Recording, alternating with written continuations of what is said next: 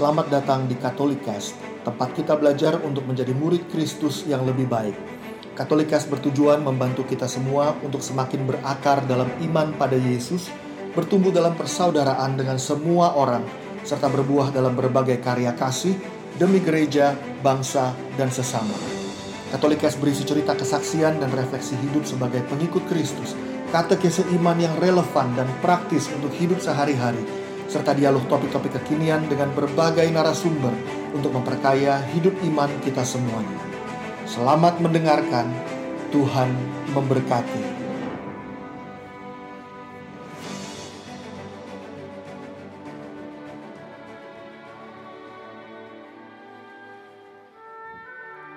Kita jumpa lagi dalam refleksi dari bacaan liturgi hari Minggu.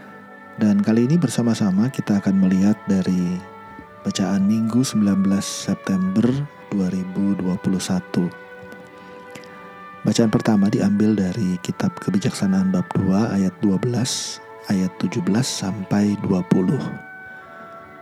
Orang-orang fasik berkata satu sama lain, marilah kita menghadang orang yang baik, sebab bagi kita ia menjadi gangguan serta menentang pekerjaan kita. Pelanggaran-pelanggaran hukum dituduhkannya kepada kita, dan kepada kita dipersalahkannya dosa-dosa terhadap pendidikan kita. Coba kita lihat apakah perkataannya benar, dan ujilah apa yang terjadi waktu ia berpulang jika orang yang benar itu sungguh anak Allah, niscaya Allah akan menolong dia serta melepaskannya dari para tangan para lawannya. Mari kita mencobainya dengan aniaya dan siksa, agar kita mengenal kelembutannya serta menguji kesabaran hatinya. Hendaklah kita menjatuhkan hukuman mati keji terhadapnya, sebab menurut katanya, ia pasti mendapat pertolongan. Bacaan kedua diambil dari surat Yakobus bab 3 ayat 16 sampai bab 4 ayat 3. Saudara-saudara yang terkasih, di mana ada iri hati dan mementingkan diri sendiri, di situ ada kekacauan dan segala macam perbuatan jahat. Tetapi hikmat yang dari atas itu pertama-tama murni, Selanjutnya pendamai, peramah, penurut, penuh belas kasihan dan buah-buah yang baik, tidak memihak dan tidak munafik.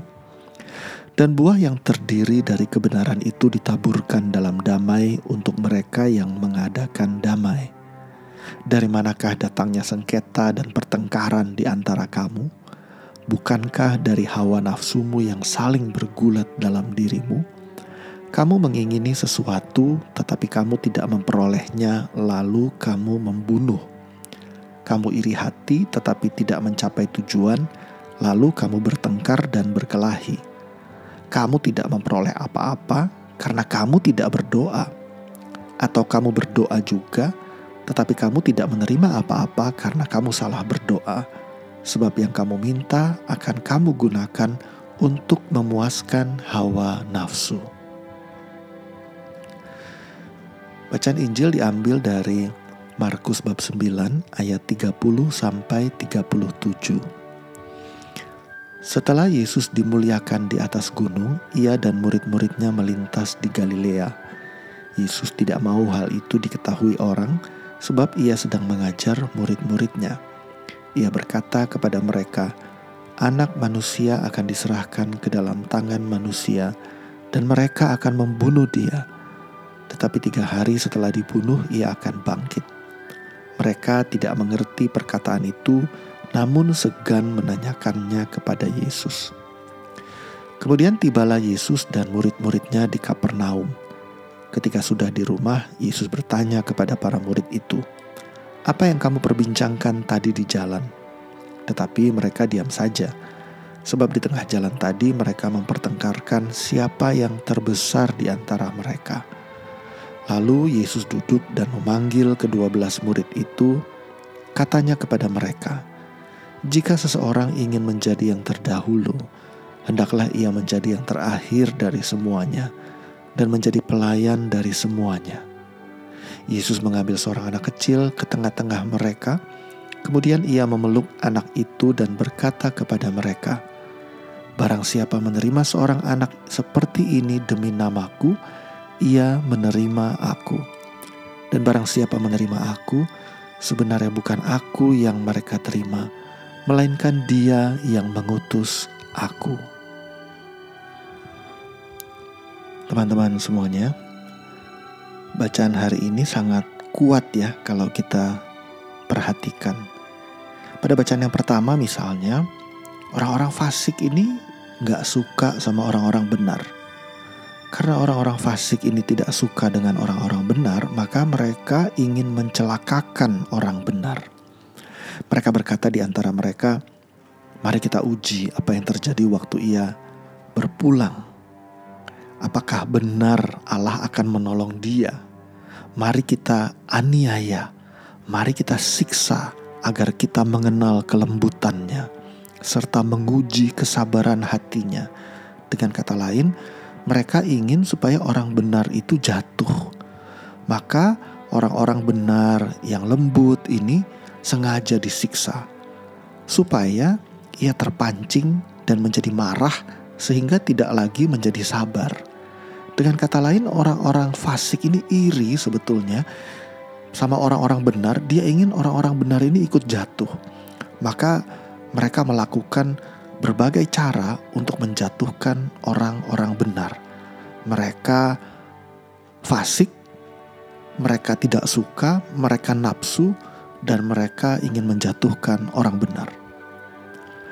Hawa nafsu ini menjadi masalah dalam hidup kita tidak heran, Yesus pun berbicara soal nafsu kita sebagai manusia. Yesus bertanya kepada murid-muridnya, "Apa yang sedang kamu perbincangkan tadi di jalan?" Murid-muridnya diam aja karena sebetulnya mereka sedang ribut di antara mereka, sedang berdebat siapa yang terbesar di antara mereka. Artinya, bukan hanya orang fasik yang punya hawa nafsu, tetapi pengikut-pengikut Tuhan pun sering kali jatuh di dalam hawa nafsu. Di antara mereka pun sedang mempertengkarkan siapa yang terbesar. Maka Yesus berkata kepada mereka, "Jika seorang ingin menjadi yang terdahulu, hendaklah ia menjadi yang terakhir dari semuanya. Hendaklah ia menjadi pelayan dari semuanya." Dengan kata lain, kalau kamu mau jadi yang terutama, kamu harus menjadi yang paling rendah, yang melayani semuanya. Lalu Yesus memberikan sebuah contoh. Yesus mengambil seorang anak kecil, kemudian ia memeluk anak itu dan berkata kepada mereka, "Barang siapa menerima seorang anak seperti ini demi namaku," apa maksud Yesus? Menerima yang seperti apa? Seperti yang Yesus lakukan. Apa yang Yesus lakukan? Yesus memeluk anak itu. Lalu Yesus bilang barang siapa menerima seorang anak seperti ini demi namaku, ia menerima aku. Dan barang siapa menerima aku, sebenarnya bukan aku yang mereka terima, melainkan dia, Tuhan, Bapa yang mengutus aku. Dengan kata lain, Yesus mau mengajarkan kepada murid-muridnya, kamu kan mau jadi yang terbesar. Coba lihat anak kecil ini yang tidak berdaya, yang sungguh kecil, yang tahu bahwa ia mungkin bukan siapa-siapa, tidak bisa apa-apa, tetapi aku memeluk anak kecil ini. Maka kamu jadilah seperti apa yang aku contohkan, memeluk anak kecil, memeluk kekecilanmu, memeluk ketidakberdayaanmu, memeluk kerapuhanmu, memeluk segala keterbatasan dan kelemahanmu karena dengan menjadi kecil, menerima keterbatasannya itu, menerima kerapuhannya, mereka menerima Yesus. Kenapa bisa begitu? Karena waktu kita tahu kita rapuh, kita butuh pertolongan Tuhan, maka kita akan minta tolong dan Yesus datang dalam hidup kita menolong kita. Maka Yesus begitu menghargai dan mencintai anak kecil. Karena anak kecil itu semuanya tahu betapa mereka tidak berdaya, mereka percaya dengan polos, mereka tahu mereka bergantung sepenuhnya pada orang tua mereka. Begitu pula kita juga diundang untuk jadi seperti anak kecil atau memeluk kekecilan kita.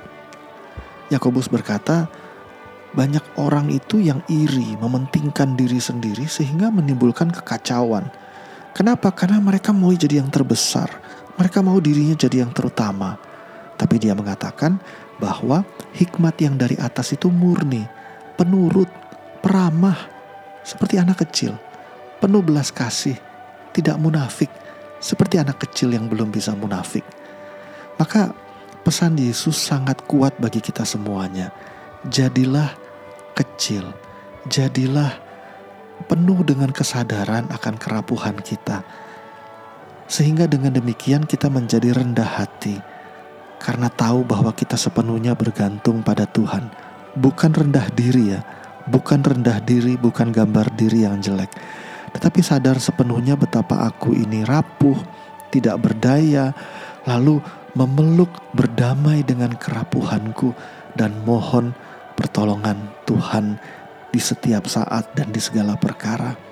Maka Yesus akan hadir, Yesus akan menguatkan, Yesus akan menolong, Yesus akan membela, bahkan Yesus juga yang akan memberkati hidup kita.